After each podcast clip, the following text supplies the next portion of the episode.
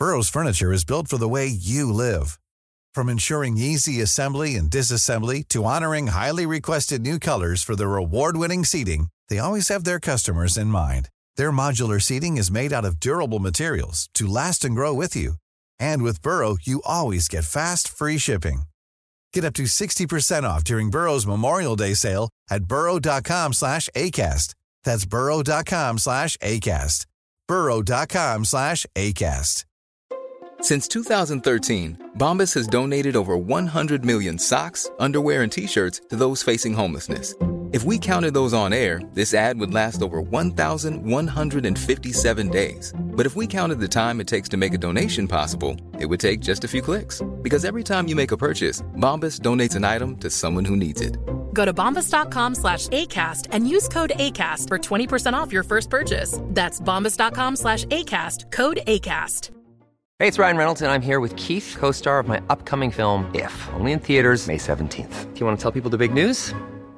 All right, I'll do it. Sign up now and you'll get unlimited for $15 a month in six months of Paramount Plus Essential Plan on us. Mintmobile.com slash switch. Upfront payment of $45 equivalent to $15 per month. Unlimited over 40 gigabytes per month. Face lower speeds. Videos at 480p. Active Mint customers by 531.24 get six months of Paramount Plus Essential Plan. Auto renews after six months. Offer ends May 31st, 2024. Separate Paramount Plus registration required. Terms and conditions apply if rated PG. jag kände lukta typ, alltså lukta typ fitta här. ja men på riktigt. Vad har du gjort med micken? Det är ju den du sitter och luktar på. Vi har inga trosor på mig, jag kör commando. Jag måste duscha känner jag. jag ja, men det är därför, det är bra. Fast det är bra att lufta. Ja men jag gillar det. Jag, jag tänkte ja. säga jag har typ aldrig trosor på mig, men det har jag. Oftast. Ja men det är perfekt, vi kanske ska börja med det. Ja vi kör troslösa. Välkomna till den troslösa podden. Då har vi inspelningen igång. Så mm. ja, åklagaren kan väl börja ställa frågor. Ja, tack. Det här är Nyans, feministisk true crime med Kajan, Hanna och Paula.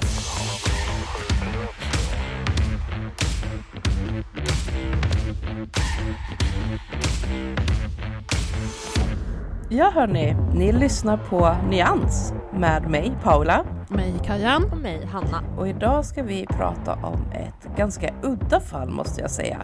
Vi ska diskutera nyårsmordet i Sundsvall. Det här är, ja det är. Jag skulle säga att det är, men jag måste nästan säga att det är nog ett av de mest spännande fallen på vissa sätt som vi har just för att det är så out there. Egentligen ska ju sådana här fall inte ske. Nej. Nej. Det är så konstigt. Statistiskt sett ska de inte ske. Ni kommer förstå. Allting är bara väldigt off. Jag tänker att vi har väl inte så himla mycket torrsnack idag. Jag tror att eh, Kaja, du får nästan dra igång på en gång för jag är så taggad på att få höra hur du har lyckats rama in det här ja. nu. Detta händelseförlopp. Ja, det vet fan.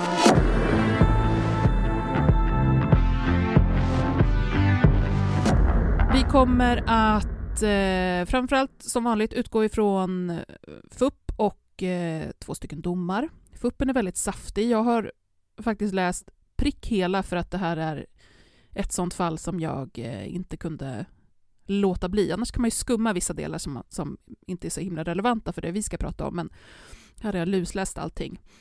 Jag har också lyssnat på en, ett poddavsnitt. Det är Svenska brott tror att de hette Svenska mord förut, men fick byta på grund av, eh, det finns en dokumentärserie på Viaplay med samma eh, titel. Det avsnittet heter Nyårsmordet. Och de inblandade personer som vi ska prata om kommer att röra eh, tre stycken. Två av dem har vi eh, gett nya namn. Det är brottsoffret som vi kallar för Annika. Det är personen som eh, blir eh, vittne och som är lägenhetsinnehavare som vi kallar för Lena. Och sen så är det gärningspersonen som har sitt riktiga namn som är Karina Askeroth. Det är den 1 januari 2020. Klockan är runt sex på morgonen. De flesta ligger säkerligen och sover efter att ha firat in det nya året. SOS får ett samtal från Sundsvall. Det är en kvinna, Lena, som ringer in hon berättar att hon har haft två vänner över på nyår och att den ena nu har skurit den andra med kniv. Lena står utanför hemmet på gatan när hon ringer eh, och hon vågar inte gå in.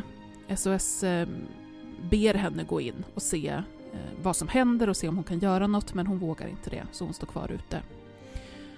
Under samtalet så kan operatören höra kraftiga skrik i bakgrunden, Eh, skrik på hjälp och tumult.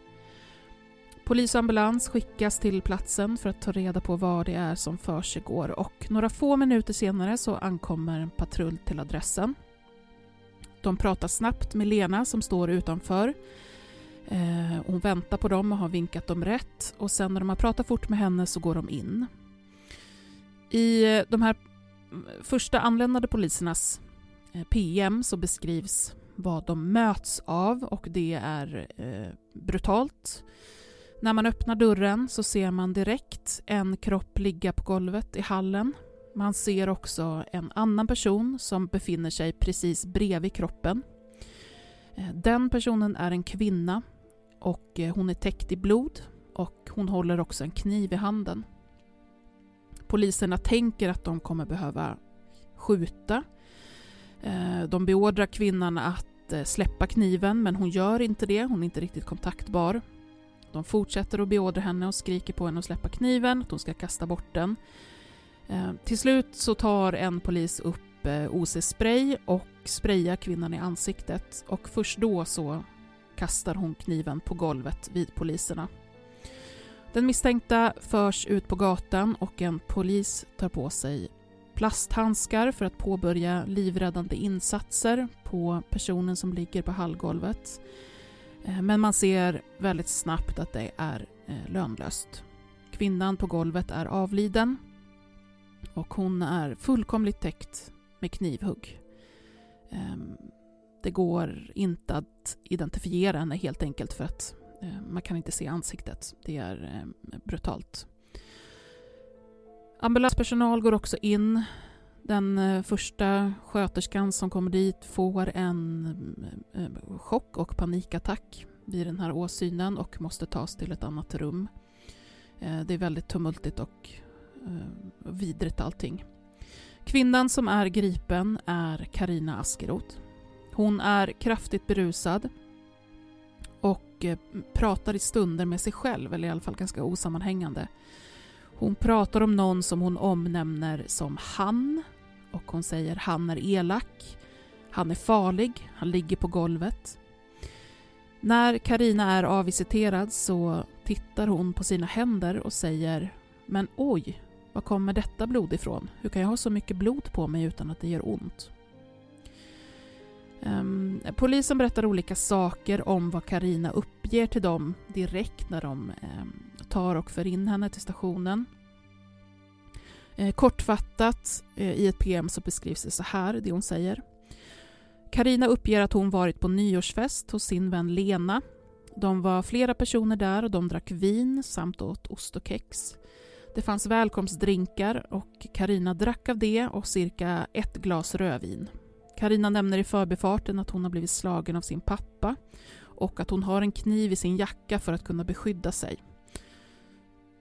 Karina uppger att hon inte förstår varför hon är hos polisen hon säger också att hon ska vara barnvakt 2 januari, att hon borde gått hem en timme tidigare. Eh, hon nämner också att hennes vän som har festen, eller lägenhetsinnehavaren då, och ytterligare någon har gått ut på balkongen för att röka. Att hon själv inte var med då eftersom hon inte röker. Men hon uppger att det svartnar efter det minnet. Lena och Annika då. Det är alltså Lena som har lägenheten och det är Lena som ringer in till SOS. Eh, Annika är kvinnan man hittar på golvet avliden. Lena och Annika har lärt känna varandra eh, på sjukgymnastiken som båda går på. De känner inte varandra jättebra men de har tränat tillsammans några månader och börjat prata om olika saker. Och eh, Annika har helt enkelt frågat om de ska fira nyår ihop. Lena eh, tycker då att det låter som en bra idé och de börjar planera vad de ska handla till firandet, vad de ska äta och så vidare. Karina då, som är intagen hos polisen, och Lena känner varann genom att de jobbade på samma arbetsplats för eh, länge sedan, jag vet inte om det var 10 eller 20 år sedan. och känner varandra som före detta kollegor. De träffas inte så ofta, kanske ett par gånger om året, men har ändå en, en kontinuerlig kontakt, framförallt via eh, telefon. Ehm, Karina får höra om det här firandet, lite oklart vem det är som frågar vem, men hon får höra om det och det bestäms att hon också ska komma, eller får komma. Lena uppger att hon eh, då säger till Karina att det går bra att hon kommer, eh, men då måste hon sköta sig. Lena uppger att hon vet att Karina kan bli stökig och aggressiv när hon dricker. Inte minst om hon börjar diskutera eh, politik. Så det säger Lena då att det får hon låta bli med om hon ska komma. Eh, det är några passager här som inte är jätterelevanta som, som Lena lägger ut om att eh, Karina är Sverigedemokrat och, och går igång ganska hårt på dem på de ämnena när hon diskuterar. Eh, men, men de säger helt enkelt att politik eh, är off limits så det pratar vi inte om. Det ska egentligen också komma ytterligare en person på det här firandet och det är en kompis till Annika. Eh, den kompisen kommer att ställa in med ganska kort varsel, uppger att hon är magsjuk. Eh, så det blir de här tre på eh, nyårsafton då så kommer Annika som tar bil och hämtar upp Karina på väg till Lena. De här två känner alltså inte varandra innan men de åker bil tillsammans till Lenas lägenhet. Eh, vid 16.30 någonting är de framme och kvällen börjar. De har köpt eh, guldhattar som de har på sig. Lena har gjort snittar eh, det bjuds på välkomstdrink. Enligt Lena så går det rätt så bra. De äter ostbricka, de har köpt Bingolotter och eh, spelar Bingolotto som börjar klockan åtta. De kollar på fyrverkerier vid tolvslaget. Eh, och sen så är Lena och Annika, som båda är rökare, är ute och röker då och då. Lägenheten ligger på bottenplan så de går helt enkelt bara ut genom ytterdörren och sätter sig på eh, utemöbler som står där. Efter Bingolotto, eller precis i samband med Bingolotto, så känner Lena att det drar kallt från hallen. Hon går upp för att titta varför och ser att ytterdörren står halvt öppen. Hon brukar låsa dörren men hon har inte gjort det den här dagen eftersom att hon har gäster hemma och har inte tänkt på det. Eh, när de kollar då så ser de att deras jackor och någon väska och några skor har dragits ut och ligger huller om buller precis utanför ytterdörren. Lena tar in de här sakerna och stänger dörren igen. Sällskapet undrar förstås över vad det är som har hänt och framförallt Annika uttrycker oro över att eh, hennes mediciner som hon har i en dosett i sin väska ska ha försvunnit. Det är planerat att hon ska sova över hos Lena så hon har sina mediciner med och hon eh, blir ganska upprörd över det här att hennes tabletter skulle kunna vara borta. Ehm, men det visar sig att det fattas ingenting. Eh, Lena ska uppge att hon har hittat och sett den och plockat upp den och lagt den i ett annat rum så allt, allt var lugnt. Men det är ändå upprörda känslor kring det där. Vid ett tillfälle runt tio-tiden så blir Annika och Karina osams över någonting. Lena säger att hon eh, stod i köket och höll på med diskmaskinen så hon hörde inte vad det handlade om, men hon hörde att det var någon osämja. Hon går då in till vardagsrummet där de två, hennes två gäster sitter och så säger hon att nu får det räcka, annars får ni åka härifrån. Det här är vad Lena uppger. Efter det så verkar Annika och Karina bli sams, för kvällen fortgår. Eh, de ställer sig upp och dansar schottis. Eh, de tar också en bild tillsammans alla tre när de har de här guldhattarna på sig. Och den här bilden har förekommit eh, censurerad i media och finns med i fuppen också. Efter midnatt då så börjar det hända saker igen. Annika ringer ett samtal till en kompis där hon berättar eh, lite rörigt om någon slags osämja som fortfarande är igång. Vännen berättar i förhör att Annika har ringt vid 00.42 då är hon upprörd och säger att det var ett inbrott, att hennes tabletter är borta. Vännen upplevde det som att Annika konfronterade Lena om tabletterna men sen kom till slutsatsen om att det har varit inbrott. Eh, I telefonen så pratar Annika om att hon ska ta bilen hem men under samtalets gång så ändrar hon sig också och säger att hon ska stanna kvar. Den här kompisen erbjuder henne att komma hem till henne om det är stökigt men, men hon säger att hon ska stanna kvar på festen. Lena har i förhör svårt att eh, sätta alla tider eh, men hon kommer fram till att till slut så sitter hon och Annika ute och röker. De har pratat om att börja gå och lägga sig. Annika röker snabbare eller orkar inte röka upp sin cigg så att hon eh, säger att hon är färdig och ska gå in. Och hon gör det medan Lena sitter kvar och ska röka klart.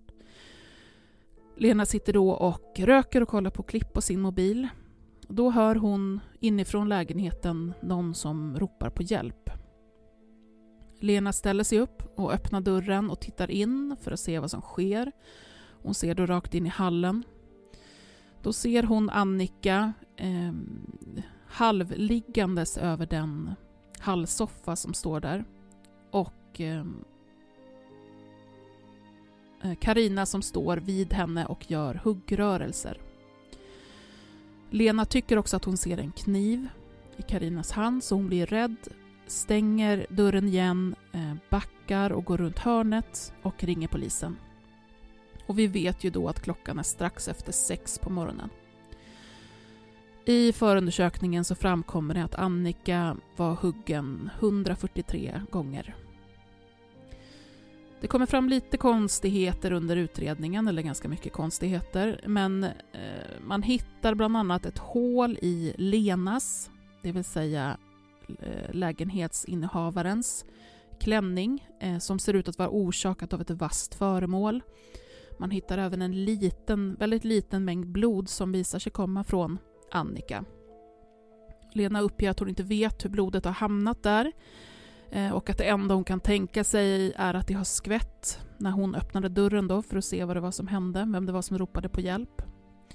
Eh, hålet i klänningen tror hon har kommit dit eh, någon, gång tidigare helt enkelt.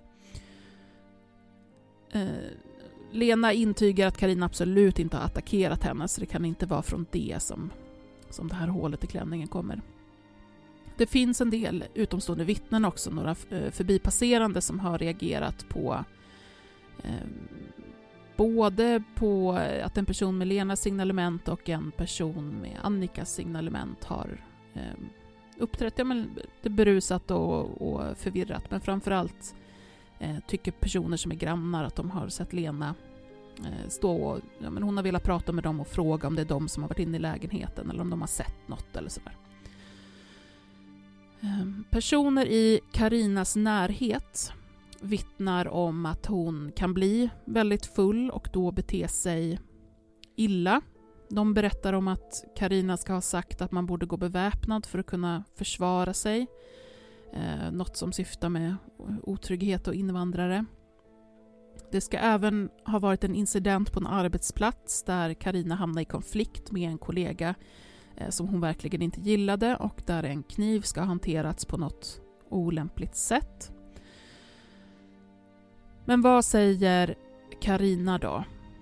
Ja, men det skiljer sig en hel del från vad hon säger inledningsvis. Först till eh, poliserna som tar in henne Eh, också sen till första förhöret och sen i senare förhör och under rättegången. Det inledande förhöret, som är vid tretiden på eftermiddagen på nyårsdagen, säger Karina att hon inte vet något. Hon frågar också om det hänt Lena någonting och säger kommentarer som “Hur har Annika dött då?” Hon säger också att Lena och Annika har fört ett jävla liv under kvällen med skrik och släng i dörrar. Ehm, jag har egentligen med en ganska lång passage här från, från förhöret, men jag tror att jag skippar det. det är, första förhöret så är det nästan så att man undrar om hon fortfarande är berusad, vilket hon mycket väl kan vara. Men det är väldigt förvirrat, hon förstår inte vad hon gör där. Eh, det hon pratar om också är att eh, det hon har tänkt när hon har sett att hennes hand varit väldigt blodig och hon själv har varit väldigt blodig är att hon har tänkt att hon kanske har försökt rädda någon Eh, att hon har hållit emot eller någonting, men det är det enda hon säger att hon vet. Inledningsvis så uppger hon eh, först att det har druckits väldigt lite. Hon säger att hon har druckit en välkomstdrink och ett glas rödvin. Sen till eh, det längre förhöret så ändras det och det uppges att det har druckits väldigt mycket under kvällen. Hon pratar om tre vinare. Eh, men alla gick själva och hämtade dricka i köket så ingen har riktigt koll på hur mycket de andra dricker. När hon eh, berättar om kvällen så säger hon att det var trevligt och bra. Det blev några diskussioner men hon minns inte om vad. Det var ingen stor sak och det löste sig tycker hon. Eh, hon säger också att hon bestämde sig för att gå hem tidigt. Bland annat då för att hon skulle vara barnvakt sen och så. Eh, och att hon började promenera hem. Men efter en stund, först tror jag hon pratar om efter 20 minuter, så upptäcker hon att det är kallt, att hon fryser och då kommer hon på att hon har glömt sin halsduk hemma hos Lena, så att då vänder hon. Och det här ska då alltså vara strax innan sextiden på morgonen. Hon säger då att hon går tillbaka, går in i hallen och hämtar sin halsduk och efter det så minns hon ingenting. Eh, I kommande förhör så byggs det här på mer och mer. Hon börjar minnas saker. Eh, det handlar först om att den här promenaden hon har tagit när hon skulle hem tagit mycket längre tid än vad hon först uppgett. Eh, flera timmar faktiskt. Hon nämner igen att det var en del bråk mellan Annika och Lena under kvällen, så hon trycker lite mer på det. Säger att hon inte ville lägga sig i, så att hon hade ingen koll på vad det handlade om.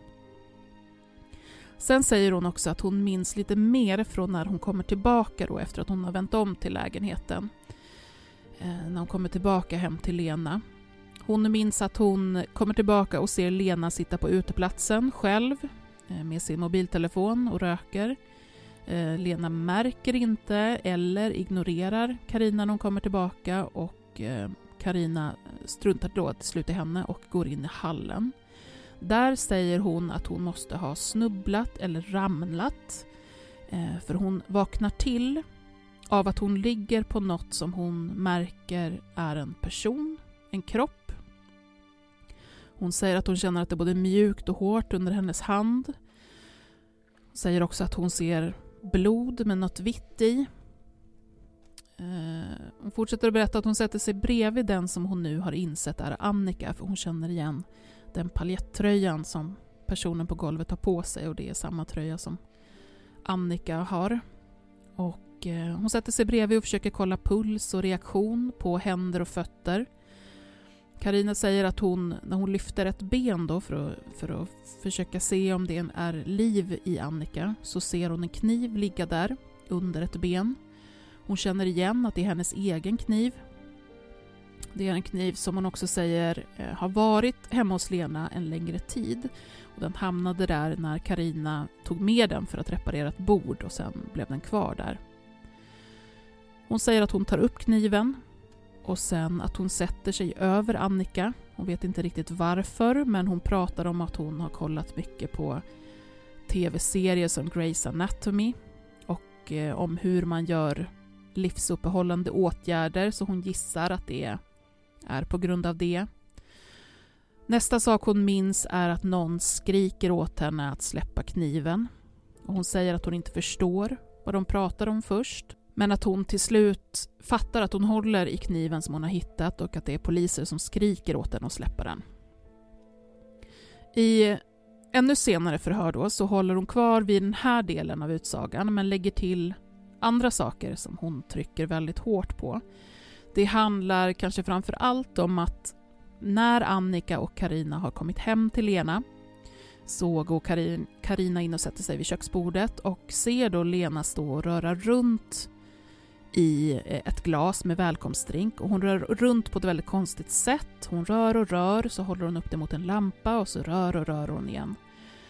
Sen ska Lena ha gett just det här glaset till Karina och betett sig väldigt konstigt kring att det är, måste vara just Karina som får det här glaset. Eh, hon hetsar Karina att dricka glaset. Det här berättar Karina, vad ska jag säga, hon trycker väldigt hårt på det här. Eh, och berättade länge och väl.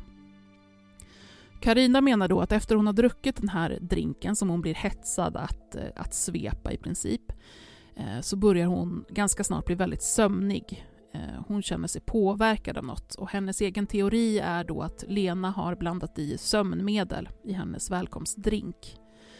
Karina menar också att hon har blivit väldigt utsatt av framförallt Lena men också Annika under kvällen. De hånar och skrattar åt henne för att hon är så trött, att hon somnar av. Vid ett tillfälle så somnar hon i soffan och vaknar av att bli dragen i håret och slagen i ansiktet. Hon säger att hon försöker eh, lämna festen eh, vid ett tillfälle för att gå hem för att hon tycker det här är så olustigt.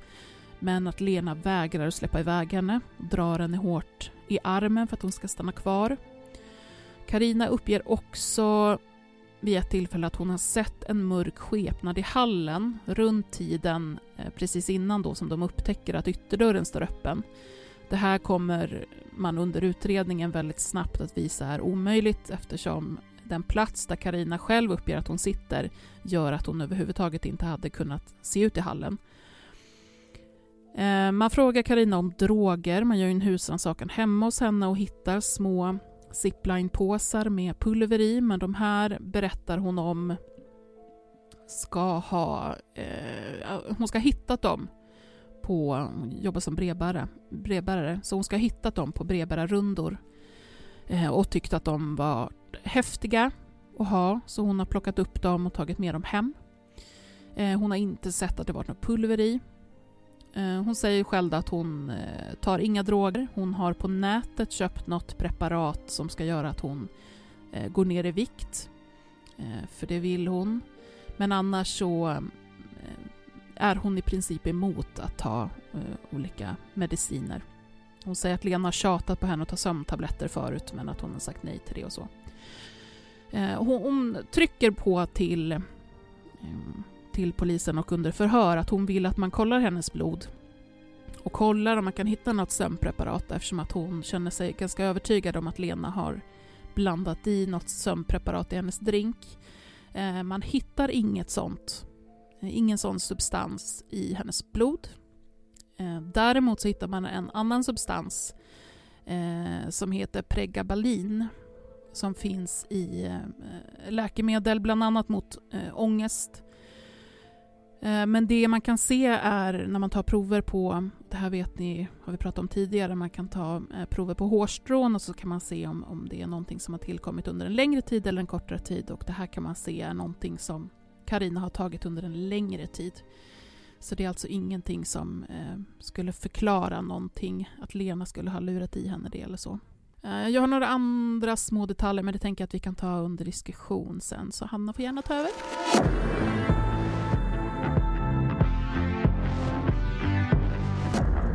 Ja, det här blir ju såklart en rättssak och Karina åtalas för mord. Tingsrätten börjar med att konstatera att Annika inte dött på naturlig väg, uppenbarligen, utan att det är styrkt att hennes död orsakat av de 143 sårskador som en annan person måste ha åsamkat henne.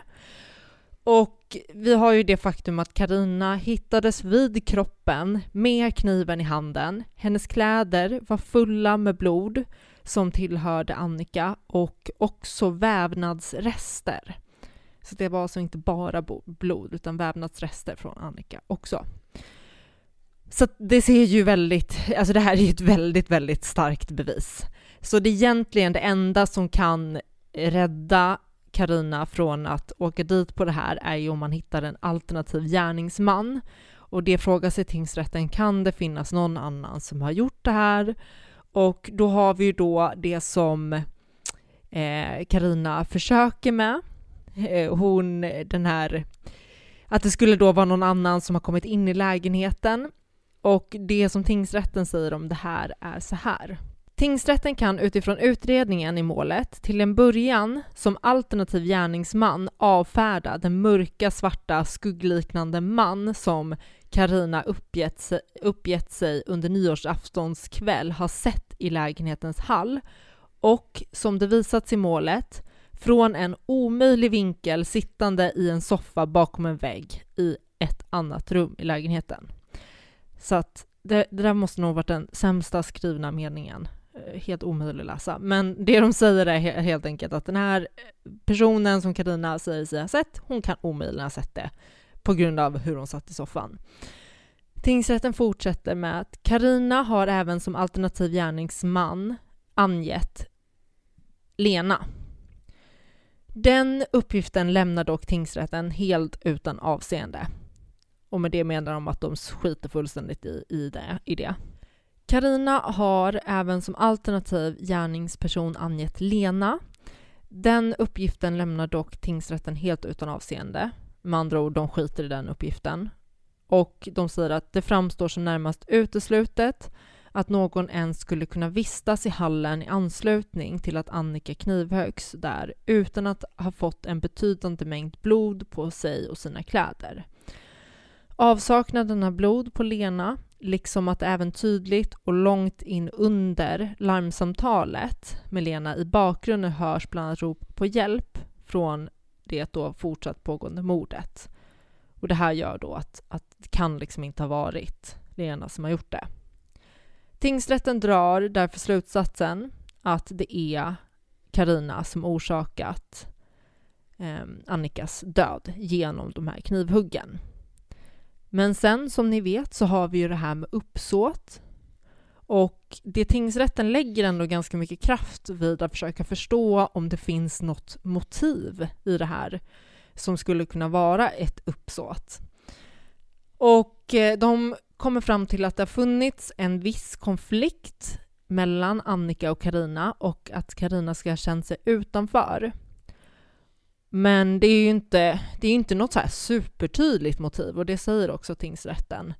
Men de, de tänker sig att det här i kombination med den narkotika som man hittade i hennes blod och alkoholen kan ha lett till att den här lilla konflikten ledde till ett, ett väldigt stort övervåld i det här fallet. Så det blir tingsrättens förklaringsmodell. Och det, det var en ganska hög promillehalt ska vi säga också. Man räknade ju bakåt från vad man kunde se när man mm. tog blodprov på henne och räknade bakåt med vad man bedömer att hon borde haft. Mm. Det var ju närmare eh, Så det är väldigt 2 högt. promille. Tingsrätten skriver att det här i förening med det utdragna förloppet, det stora antalet hugg, stick och skärningar samt att Karina inte upphört med sitt handlande trots att hon måste varit medveten om att Annikas liv redan flytt talar med tillräcklig styrka för att hon uppsåtligen berövat eh, Annika livet. Man gör en rättspsykiatrisk undersökning eftersom, som, som Kajan också varit inne på, så pratade hon ju väldigt en del osammanhängande. Hon pratade om någon slags hon använde ordet han och var svår att få kontakt med och det fanns lite olika grejer som gjorde att man kände att nej men här, det här vill vi ändå kolla. Så man gör en rättspsykiatrisk undersökning men den kommer fram till att hon inte hade någon allvarlig psykisk störning eh, när brott, brottet begicks. Så att det när det kommer till påföljden så är det uteslutet med rättspsykiatrisk vård och då blir, då till, liksom, ja, då blir, då blir valet fängelse. Och det här är väl det som är mest intressant med domen. Det är att brottet begås den 1 januari. Samma dag så sker det en lagändring så att en ny lag träder i kraft 1 januari 2020, samma dag som brottet begås och det ändrar påföljden för mord. Så att hade mordet begåtts några timmar tidigare, jag tror att det, om man hade gått liksom sex timmar tidigare, så hade tro, straffet troligtvis blivit betydligt mildare än vad det sen blev. Tidigare så var ju praxis 16 års fängelse som normalstraffet för mord, men nu har man ändrat på det. Så här skriver tingsrätten. Av tredje kapitlet i brottsbalken i den lydelse från och med den 1 januari 2020 ska den som berövar annan livet dömas för mord till fängelse på viss tid, lägst 10 år och högst 18 år eller på livstid. Lagändringen utgår från en uttalad vilja från riksdagen om att livstidsstraffet för mord bör användas i betydligt större utsträckning än tidigare och att normalstraffet i den bemärk bemärkelsen att det ska dömas ut i en majoritet av fallen.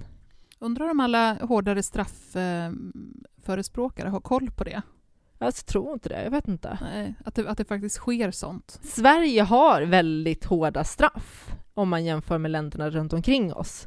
Jag menar, nu är ju normalstraffet livstidsfängelse för ett normalfall av mord Inga liksom speciala, speciella omständigheter eller att det ska vara liksom synnerligt grovt eller någonting liknande.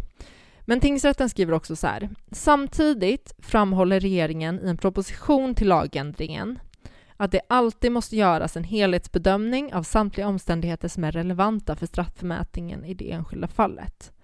Det ska också beaktas att de, dessa omständigheter kan föreligga olika grad och att det ska göras en helhetsbedömning av alla omständigheter innebär samtidigt att straffmätningen kan resultera i ett tidsbestämt straff, trots att det finns omständigheter som talar för livstid.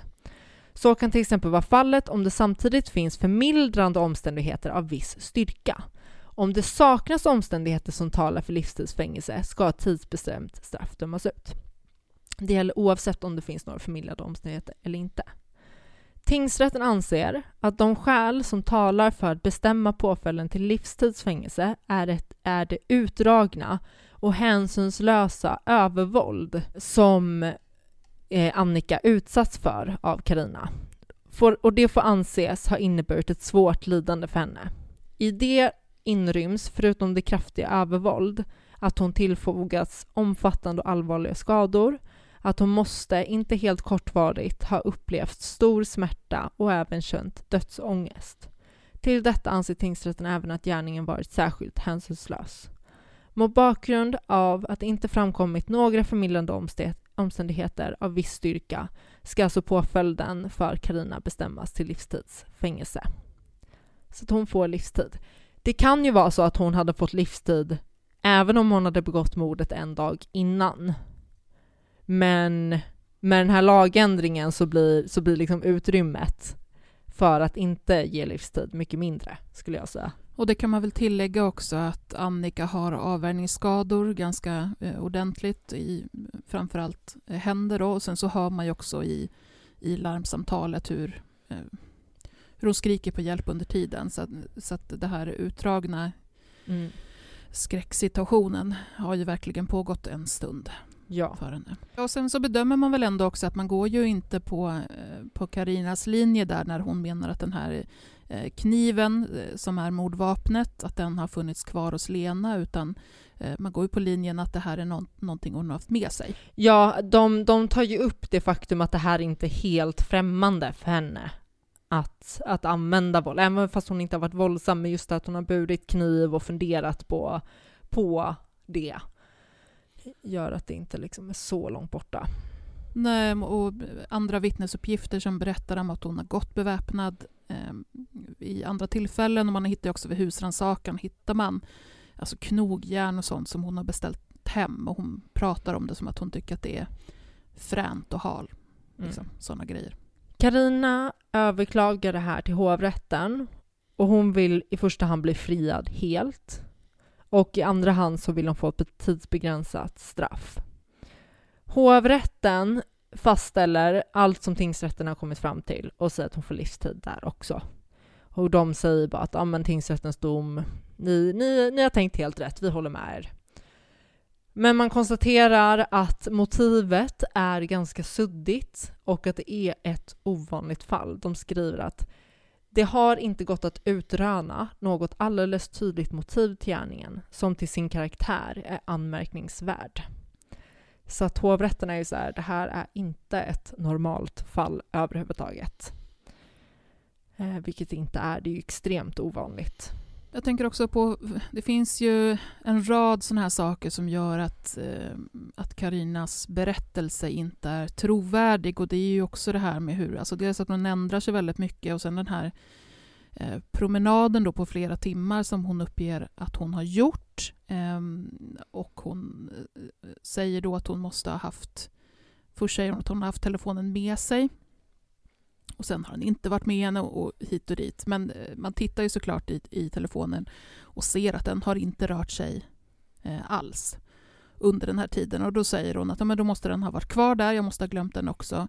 Men man hittar den i hennes ficka när man eh, griper henne och hon har ingen förklaring till det. Så det är många omständigheter runt mm. som också den här mörka skepnaden i hallen. Det är mycket saker som liksom inte går ihop och eh, samma sak med den här tabletten då som hon menar att hon har blivit sömnig av. Ja. Det måste vara någon sömn, sömntablett. Det finns liksom inget... Nej, alltså hon är ju inte trovärdig för fem öre. Alltså verkligen. det Ja men som du säger, allt det här med att hon skulle bli neddrogad och grejer, det är, det är inte trovärdigt. Också sättet hon berättade på, hur det återges. Man bara nej, nej. Nej, det är väldigt, väldigt krystat mm. när, man, när man läser eh, förhören ord för ord och också hur det stegrar sig. När hon inte har förklaringar till saker och man kommer med mer och mer eh, bevis. Vissa grejer struntar hon ju bara helt i att förklara. Hon, ja, men det här att hon, har, att hon är helt täckt i, i blod och eh, alltså delar av, av Annikas kropp är ju liksom bara att ja, men hon har ju Eh, snubblat och landat på kroppen och, och, och sen somnat lite och sen rört sig eh, på sidan och sen lyft på ett ben och sen satt sig på igen och det, eh, ja, ni hör ju. Nyans, feministisk true crime med Kajan, Hanna och Paula. Hey, I'm Ryan Reynolds. Recently, I asked Mint Mobile's legal team if big wireless companies are allowed to raise prices due to inflation. They said yes. And then when I asked if raising prices technically violates those onerous two-year contracts, they said, "What the f*** are you talking about? You insane Hollywood ass." So to recap, we're cutting the price of Mint Unlimited from $30 a month to just $15 a month. Give it a try at mintmobile.com slash switch. $45 up front for three months plus taxes and fees. Promo for new customers for limited time. Unlimited more than 40 gigabytes per month. Slows. Full terms at mintmobile.com. Burrow's furniture is built for the way you live. From ensuring easy assembly and disassembly to honoring highly requested new colors for their award-winning seating, they always have their customers in mind. Their modular seating is made out of durable materials to last and grow with you. And with Burrow, you always get fast, free shipping. Get up to 60% off during Burrow's Memorial Day sale at burrow.com slash ACAST. That's burrow.com slash ACAST. burrow.com slash ACAST.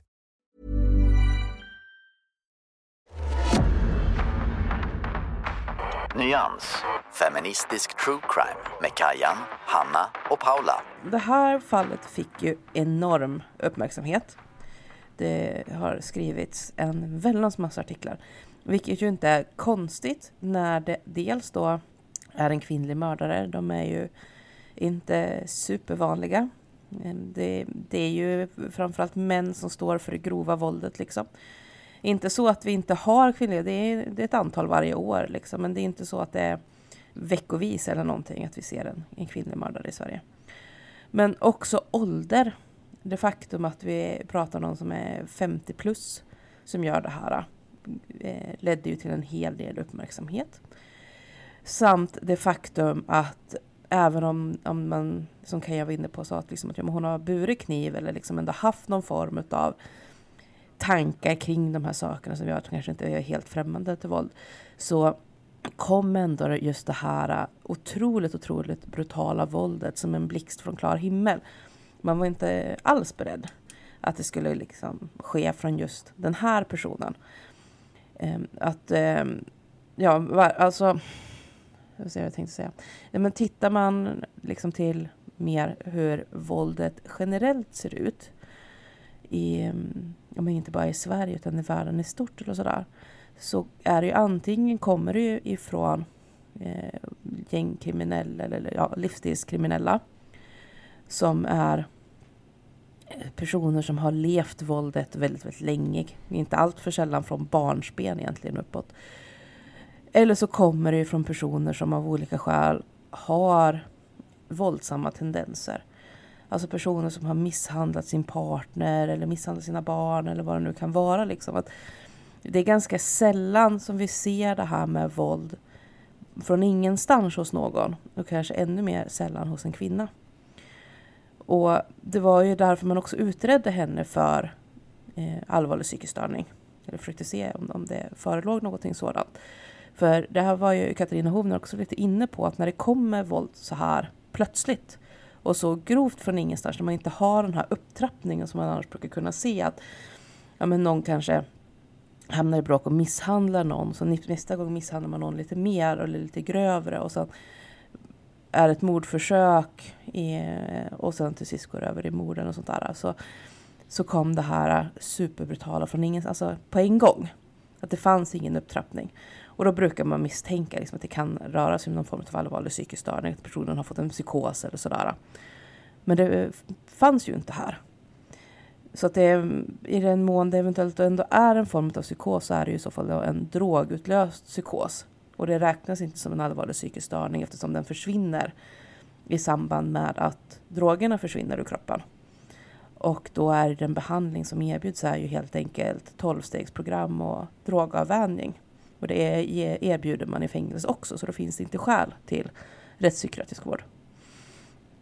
Men det, det här när man drog åt, eller stramar åt eh, praxis för morddomar. Då var det ju egentligen framförallt då personer som mördar inom gängen som man ville komma åt. Mm. Så att det var nog lite av en chock också någonstans att en av de absolut första då att dömas hårdare för mord i Sverige inte blev en tungt kriminellt belastad gängmedlem utan en 52-årig svensk kvinna Ja men precis, det, det, det är spännande med de här eh, vad ska jag säga, alkoholutlösta eh, psykoserna som liksom mm. bedöms som någonting annat. Men i det här fallet bedömdes väl inte ens som att det var en alkoholutlöst psykos utan eh, ing, ingenting. Nej.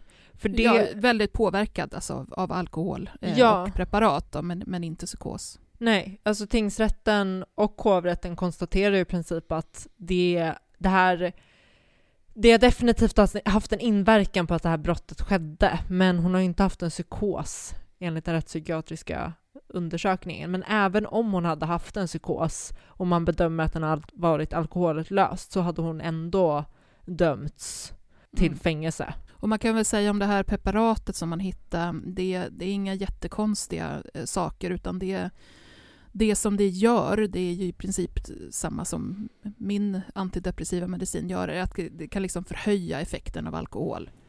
Ehm, så att det, du, kan känna, du kan bli mer, mer påverkad liksom helt enkelt. Men det var ju inga extrema saker mm. på något sätt. Alltså det, det rätten kommer fram till både i hovrätt och tingsrätt, det är väl egentligen i princip att alkoholen ihop med det här preparatet har gjort att hon tappar alla spärrar.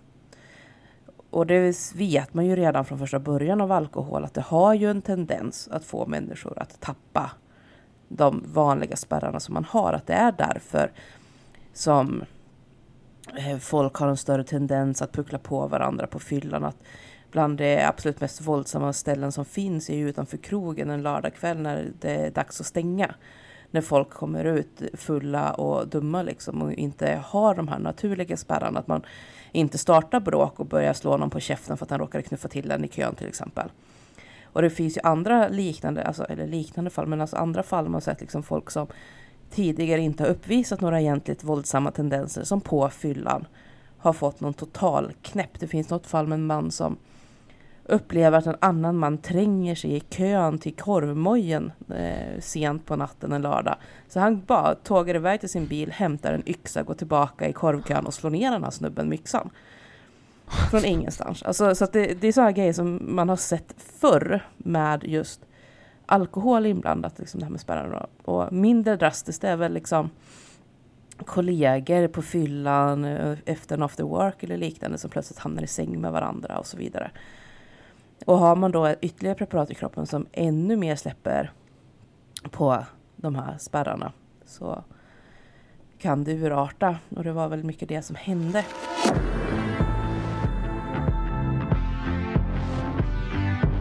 I och med att man pratar om det då, att, att det ändå kanske fanns den här typen av tankegångar hos henne i och med att hon, hon bar runt på kniv och så vidare.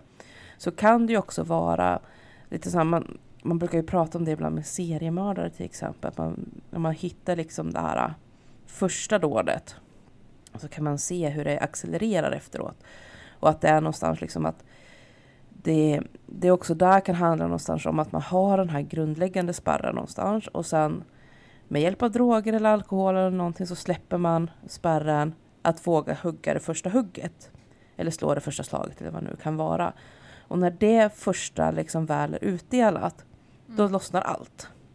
Och det är det jag tänker hände, kanske hände här nu då hos den här kvinnan. Att hon gick med någon form av ilska inom sig och hade börjat bygga upp de här grejerna. Det fanns en en liten, alltså för oss utomstående, en, en liten konflikt som hon har gått och sugit på.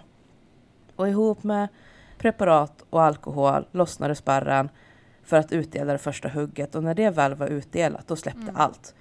Då fanns det inga hämningar kvar och hon bara fortsatte att hugga och hugga och Mm. hugga.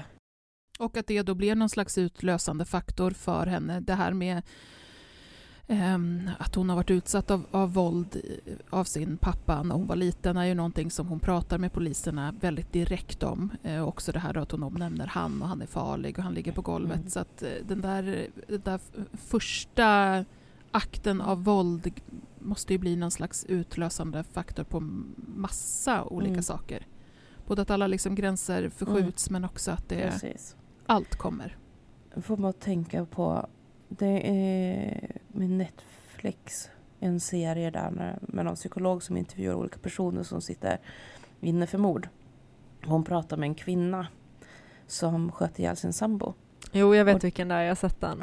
Och där trycker de också på det någonstans där, att när hon har skjutit sin sambo och ambulans och polis kommer så det första hon säger är typ så jag blev våldtagen för en vecka sedan. Inte någonting om vad som skulle ha fram, alltså, lett fram till det här eller vad hon har gjort eller om hon vet någonting om var sambon befinner sig ens en gång i huset utan bara direkt så här, jag blev våldtagen. Mm. Och um, i ju- i just det fallet, det är inga övriga likheter liksom, men i just det fallet så pratar man ju också lite om det här att att hon kanske, ja, medvetet eller till viss del modmedvetet drog till med någonting på en gång för att börja plantera en ursäkt eller liksom en, en förklaring till, till vad det är som har hänt. Och lite samma kan man ju ändå kanske känna också kring det här att när det, bland det första som kommer är liksom ja men jag varit utsatt som barn. Så är det lite okej. Är det så att det är någon typ av PTSD som har triggats nu med flashbacks och grejer? Eller är det en mer eller mindre omedveten eller medveten taktik nu liksom för att lägga fram någon form utav förklaring till varför De har det ju har med hänt? både i F- FUPen och i domen har jag för mig hos tingsrätten så, så pratar de om, ju, om det här eh, att, att Karina uppger att hon först inte minns någonting alls eh, från just den här våldsepisoden.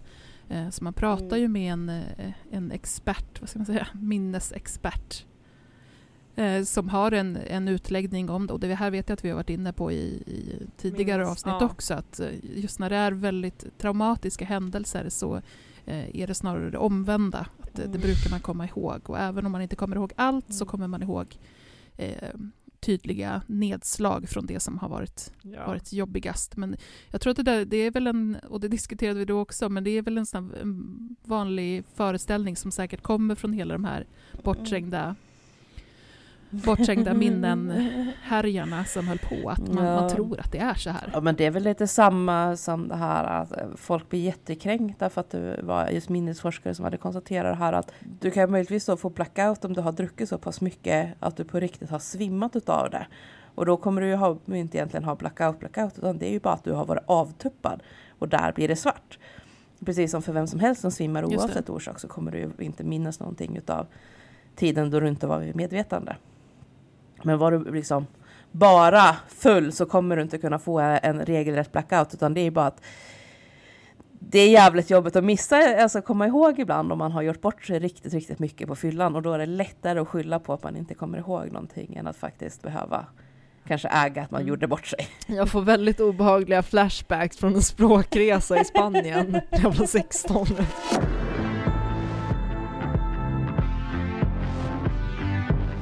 Hörni, jag är lite sugen på en snackis. Jag har inte riktigt kunnat bestämma mig. Jag tänkte att jag skulle ta en viss snackis först och sen ramlade det över en helt annan. Ta den torraste nej, första. men- Okej, ja, men den, den som kommer ge, ge minst diskussion för oss, för att den är helt enkelt är ganska enkel. Det är Oj. faktiskt en som är på den positiva sidan. Nu blir jag obekväm. Ja men du ska, du, du ska få bli jättearg på nästa, jag lovar. Men nummer ett, som, som har gjort mig osedvanligt glad, det är att QX gjorde en intervju igår typ med eh, en som heter Li. Ja! Och det här har ju snappats upp utav övrig media så att det har varit artiklar idag i typ Expressen och Aftonbladet och så vidare. Och Lee eh, är en person som tidigare har varit känd ifrån Äntligen Hemma. Och då som snickarbjörn. Och varit väldigt liksom, populär för att det är många som har tyckt att den här snickaren är så otroligt snygg. Och sen försvann eh, Snickarbjörn ifrån rampljuset. Gick upp i rök. Och nu har det ju liksom då har Li istället kommit ut att här är jag. Snickarbjörn har blivit Li. Och är alltså transkvinna. Och min första reaktion när jag såg det här är givetvis liksom att go Li. Och eh, att det är fantastiskt kul att se. Eh, det kommer snart en, eh, en TV4-dokumentär om henne och vägen där de har följt henne under tio månader ungefär i transitionen och kring alla tankar och, och hur det sett ut och liksom vägen fram. Men så tänkte jag så att ja, det, det här kommer ju antagligen då innebära hatstorm i sociala medier. Om man går in och tittar liksom i kommentarsfälten hos Aftonbladet, Expressen eller liknande. Då. Version 1 är ju att det helt enkelt inte har blivit så himla mycket upprördhet. Vilket skulle vara trevligt. Version 2 är att media för omväxlings skull har hårdmodererat i sina kommentarsfält. Eh, absolut, det har funnits en och annan kommentar av typen hö hö hö, då får man väl snart se henne läsa sagor på något bibliotek någonstans. Eller jag kom ut som heterosexuell och det var ingen som gjorde någon stor grej av det. Varför ska alla andra sexualitet vara så jävla häftiga? Men i övrigt har det inte varit så himla mycket. Utan istället var det väldigt mycket av typen lycka till, gud vad kul att eh, få se dig igen, vad vacker du är eh, och så vidare. Och jag gick in på Lis Instagram och samma där i kommentarerna. Att eh, ja, härligt att se. Du var snygg som kar, du är lika vacker som kvinna eller fantastisk utstrålning modiga kvinna. Det ska bli fantastiskt kul att se dokumentären och så vidare. Alltså stödet som har mm. varit har varit fantastiskt. Och det känns som att det är, så tänker jag tillbaka till, alltså jag har inte jättemycket över till Caitlyn Jenner. Mm. Men när hon kom ut så var det inte direkt positiva ord som hon möttes utav. Nej. Eh, sen har det varit mycket negativt om henne för att hon säljer ut andra transpersoner och på det stora hela be beter sig som en högerextrem rövhatt. Men fortfarande, reaktionerna på att hon kom ut som, som transkvinna var, var väldigt mycket hat, väldigt, väldigt negativt. Och tittar vi bara till Sverige istället så har vi till exempel Louis Sand. Där det också var mycket taskiga kommentarer och sådär när, när han kom ut. Och eh, det är inte jättemånga år som har gått mellan de här äh, och att Li nu kommer ut. Men det känns som att det ändå har hänt någonting i fråga om kunskapsnivå. Kanske framförallt då hos media. För ser man till backlashen som man samtidigt har varit kring transvården och sådana saker så har jag väldigt svårt att tänka mig att det skulle vara sådär supermycket mindre transfobi. Men det är som att media har lärt sig att hålla koll lite grann i sina kommentarsfält på ett sätt som man kanske inte riktigt gjorde förr. I kombination med en ökad kunskap även hos mer i allmänheten. Och det har varit, jag har varit väldigt glad att se det. Och jag har en så, jag har en så tvekande uppräckt hand. För jag är så här, jag vill också vara med på gladtåget och så, och så kommer en röst i mitt huvud som är bara cynisk och bitter. Nej men så här då, om jag bara slänger ut det. Kan det här delvis bero på att Li är en väldigt snygg person. Både så som hon var när hon var med i TV och eh, eh, i sin transition nu med, för jag såg ju den, det, hon har gjort en photoshoot liksom. Eh, eh, smal och väldigt eh, snygg person. Hade det varit om vi tänker oss eh, motsatt person då som mm ska vi säga inte hade passerat som en lika vacker kvinna, hade det blivit mm. Hade det blivit lika positivt? Nej, men alltså, jag, jag tror alltid att det bidrar att vara snygg. Det hjälper alltid, för att vi lever i ett samhälle där det, snygga mm. människor premieras framför fula människor. Det var lite därför medvetet jag jämförde mot mm. Caitlyn Jenner och eh, Louis Sand som ja. också är personer som bedöms passera mm. väldigt väl, vara väldigt vackra före och efter transition eller snygga före och efter transition. Eh, men, men som ändå möttes av mycket, mycket mer hat. Men om jag utgår lite grann också från hur, jag, hur det har sett ut i de mer transfobiska delarna av Instagram och sociala medier och sådär tidigare, så frikopplat från det här. Så, så har inte huruvida man passerar eller liksom bedöms som snygg hjälpt i fråga om transhat. För då har man, och kanske i synnerhet inte hos en transkvinna. För då har man snarare använt det för att kunna trycka på att jag menar, transkvinnor försöker passera så bra som möjligt som cis-kvinna, det vill säga passa in i könsrollerna så bra som möjligt. Och att det innebär att de dels försöker lura människor, att de är riktiga kvinnor. Inte mina ord nu, utan nu, hur, hur de resonerar. Eh, att man försöker lura dem att de är riktiga kvinnor. För att komma in i kvinnorum och kunna våldta eller trakassera kvinnor. Eller så menar man att det handlar om att man cementerar eh, den köns, könsstereotypa synen på kvinnor. Att man liksom approprierar kvinnligheten, klär ut sig till kvinna på ett sätt då som är väldigt negativt för feminismen och för cis-kvinnor. Att man liksom, här går vi i feminismen och försöker bryta oss loss från könsrollerna och så kommer transkvinnor och så kommer de här och cementerar könsrollerna genom sitt smink och högklackade skor och, och så vidare. Liksom. Så att utifrån just transhatperspektiv så tror jag inte att det hjälper att hon, att hon nu bedöms som snygg. Däremot tror jag definitivt att det hjälper i aspekten att få folk som inte är transfobiska att säga till.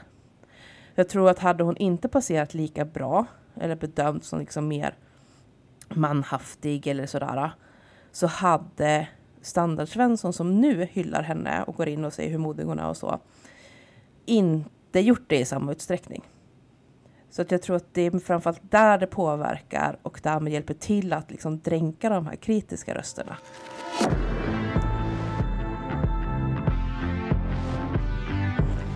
Ja, nu tar vi ilske, ilskesnackis. Alltså vi måste göra en ren snackisavsnitt snart. Igår kom nyheten från P4 Kronoberg att man nu har tagit beslutet i Växjö kommun att slopa vegetarisk dag i skolorna. Och därmed se till att varje dag så ska det finnas ett vegetariskt alternativ och ett alternativ med fläsk, kött, fisk eller fågel att välja på. Och i kommentarerna så kan man läsa eh, fantastiska kommentarer av typen Barn behöver kött, fisk och så vidare. Och tummen upp. Eh, en annan som skriver det var bra så barnen kan äta sig mätta. Men alltså förlåt, jag fattar inte, vadå ska de laga, hur många, hur många eh, olika rätter lagar de? Två. Jaha okej, okay, jag trodde att det var så här, varje dag som fisk, fågel, Nej. så bara men gud vad är det här för lyxlunchställe? Nej det är två, så tidigare så har man haft en dag i veckan då det har varit två olika vegetariska alternativ. Ja. Men nu tar man bort det så att varje dag så är det varje ett, dag om man vill. Ja, så nu kan man få mm. kött varje dag om man vill. Många av kommentarerna kan sammanfattas i typ att man skriver äntligen, förnuftigt, så bra och så allehanda eh, emojis. Här har vi en som har inlett med just äntligen, tre stycken utropstecken, sån här uh, high five emoji och sen två stycken klappa i händerna emoji. Och sen fortsätter hon med. Många elever åker hemifrån klockan 06.00 på morgonen och kommer hem klockan 18 på kvällen. Då är det ta mig fan det minsta man kan begära att barnen får vanlig husmanskost med kött, fisk eller kyckling. Så det verkligen orkar med hela dagen i skolan. Det är väg 12 timmar. Det är längre än många vuxnas arbetsdag. Fine att det har vegetarisk kost som alternativ, men det ska inte vara det enda som finns varje dag. Notera nu då att det var en dag i veckan som det bara serverades vegetariskt till lunch. Men de tror ju fortfarande att det handlar om att man ger ungarna varsin morot. Ja, Låt de som äter kött göra det och de som väljer vegetarisk mat äta det, men det ska inte vara ett tvång. Vegetariskt är inte mycket mer miljövänligt än kött. Allt handlar om hur och, och hur långt det fraktas hit. Enough said. Om skolköket tycker att det är så himla svårt att beräkna maten till eleverna så finns ju en superenkel lösning på det problemet. Låt eleverna i förväg beställa sin mat för nästkommande vecka. Då vet ni hur många portioner kött alternativt vägg ni måste göra. Lycka till! Alltså förlåt, kan vi cancella alla som skriver 'nuff i kommentarer? Det är aldrig bra. Också de som I rest my, ca- my case. Ja. De skriver något helt jävla obegripligt. Ja, och sen är det mycket av typen också, hoppas innerligt fler kommuner tar efter detta, bla bla bla. Fasen var bra, grattis till alla ungdomar och barn, annat än tomtarna nere i Malmö där man nu går åt helt fel håll och endast erbjuder kött en dag per vecka. Självklart måste våra kids få äta sig mätta i skolan. Guldstjärna till Växjö. Alltså jag är förvånansvärt oberörd faktiskt. Jag trodde att jag skulle bli jättearg. Men jag har liksom inte, det här är en sån här grej som bara sorterades bort i min hjärna till så här, det här kan vi inte deala med. Nej, men det är inte så. Det är en som frågar vad, vad är problemet att äta vegeta- vegetariskt en gång i veckan och får svaret. Om man är vegetarian eller vegan kan jag inte se något problem, men om man är van vid riktig och näringsrik mat blir det naturligtvis stora problem för många. Men alltså herregud, vad är det här? Men alltså, åh. Näringsrik mat. Herregud. Det här är ju Ja. Flinta, Stek Men- och Bea-klanen. Men det jag tycker är så fantastiskt är på den här sista kommentaren, för den, den har jag suttit och skrattat åt i min ensamhet ett tag först. Det är ju det här, det, den totala bristen på logik. För om nu kött och potatis och någon form av sås är riktig och näringsrik mat, då borde det ju vara större problem om de som normalt äter vegetariskt äter vegetariskt även i skolan. För det måste ju betyda att de inte får riktig och näringsrik mat någonsin och därmed löper ganska stor risk för näringsbrister. Medan ungjävlarna som hela tiden får sitt kött, potatis och sås ju uppenbarligen då äter riktigt och näringsrikt största delen av tiden och alltså inte har någon risk för näringsbrister av att äta kassmat en gång om dagen, höll jag på att säga. Nej, men en gång här och där liksom. Om det nu liksom är den vägen man ska gå här i, i argumentationen. Nu förutsätter du att, att logik och grundläggande kunskap om, om näringslära är någonting som finns hos de här personerna. Ja, Du, jag tror att du tänker lite högt om dem. Det här, är, det här handlar ju enbart om, det här är precis samma grupp som blir eh, så fort det är en något inslag i en Disney-film som kan tol- tolkas som queer eh, pratar om att man inte ska pådyvla barn annan sexualitet, eh, avvikande sexualitet. Det är precis, precis samma sak. Och det här, det är, de vill ju bara skrika sig hesa om sånt de tycker är läskigt och konstigt. Men Och det är det samma, inget. ja alltså det är samma, det är ju de som hatar feminister och eh, blir arga över sagostunder, queera sagostunder, det, det, är, sam, det är samma gäng. Eh, det enda som förvånar mig i det här är att så här, jag tänkte alltså att vara vegetarian är väldigt mainstream. varenda lunchrestaurang med någon form av ak- självaktning serverar ju någon form av vegetariskt på luncherna nu för tiden. Även om det är, alltså, ibland är det ju av nivån liksom att man, de gör en vegetarisk rätt som är hela veckan. Det är liksom så här veck, veckans vegetariska. Men det finns typ alltid för att det är så pass många idag som ändå är vegetarianer. Men, men så här, de dagarna när de här personerna själva bjuder eh, barn på pannkakor eller bjuder barn på potatis och purjolökssoppa. Då är det bacon på. Bacon på. Nej men helt seriöst, jag är, jag är övertygad om att det finns stunder som kanske inte helt sällan när de eh, inte eh, aktivt väljer en vegetarisk rätt. Råkar bli vegetariskt. Men ja, ja, för att det är någon husmanskost eh, så, som inte Mm. innehåller kött. Ja, men jag, jag är alltså seriös på att man kör bacon. Jag har till och med sett det liksom i, i recept för typ potatis och purjolökssoppa till exempel. Att så här, vegetar, vi vill göra vegetariskt, skippa baconet. Alltså jag, jag, är ju, jag är ju väldigt avtrubbad i den här frågan för att jag har ingen hemvist om man säger så. Jag är osams med veganer, jag är osams med köttätare, jag är liksom, jag är ingen Stockholmsvegetarian, jag vet inte vad det är. Jag, så jag, jag är liksom helt så Är här. inte Stockholmsvegetarian samma sak som flexitarian? Jo men alltså jag vet inte, jag vet inte vad jag är. Jag vet bara att jag är rotlös och känner mig liksom, ja jag har ingen hemvist.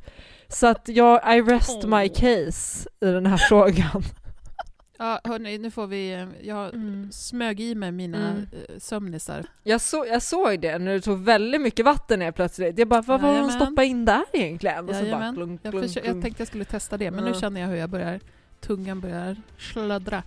Och tusen tack för att ni har lyssnat på det här avsnittet. Hoppas att ni uppskattade det. Eh, ni vet vad ni ska göra. Ni ska gilla och ni ska vara Patreons och ni ska kommentera och göra och tipsa kompisar och allt sånt där. Eh, superbra. Eh, tack för att ni lyssnade. Vi hörs nästa gång. Hej! Hej! Hej, hej!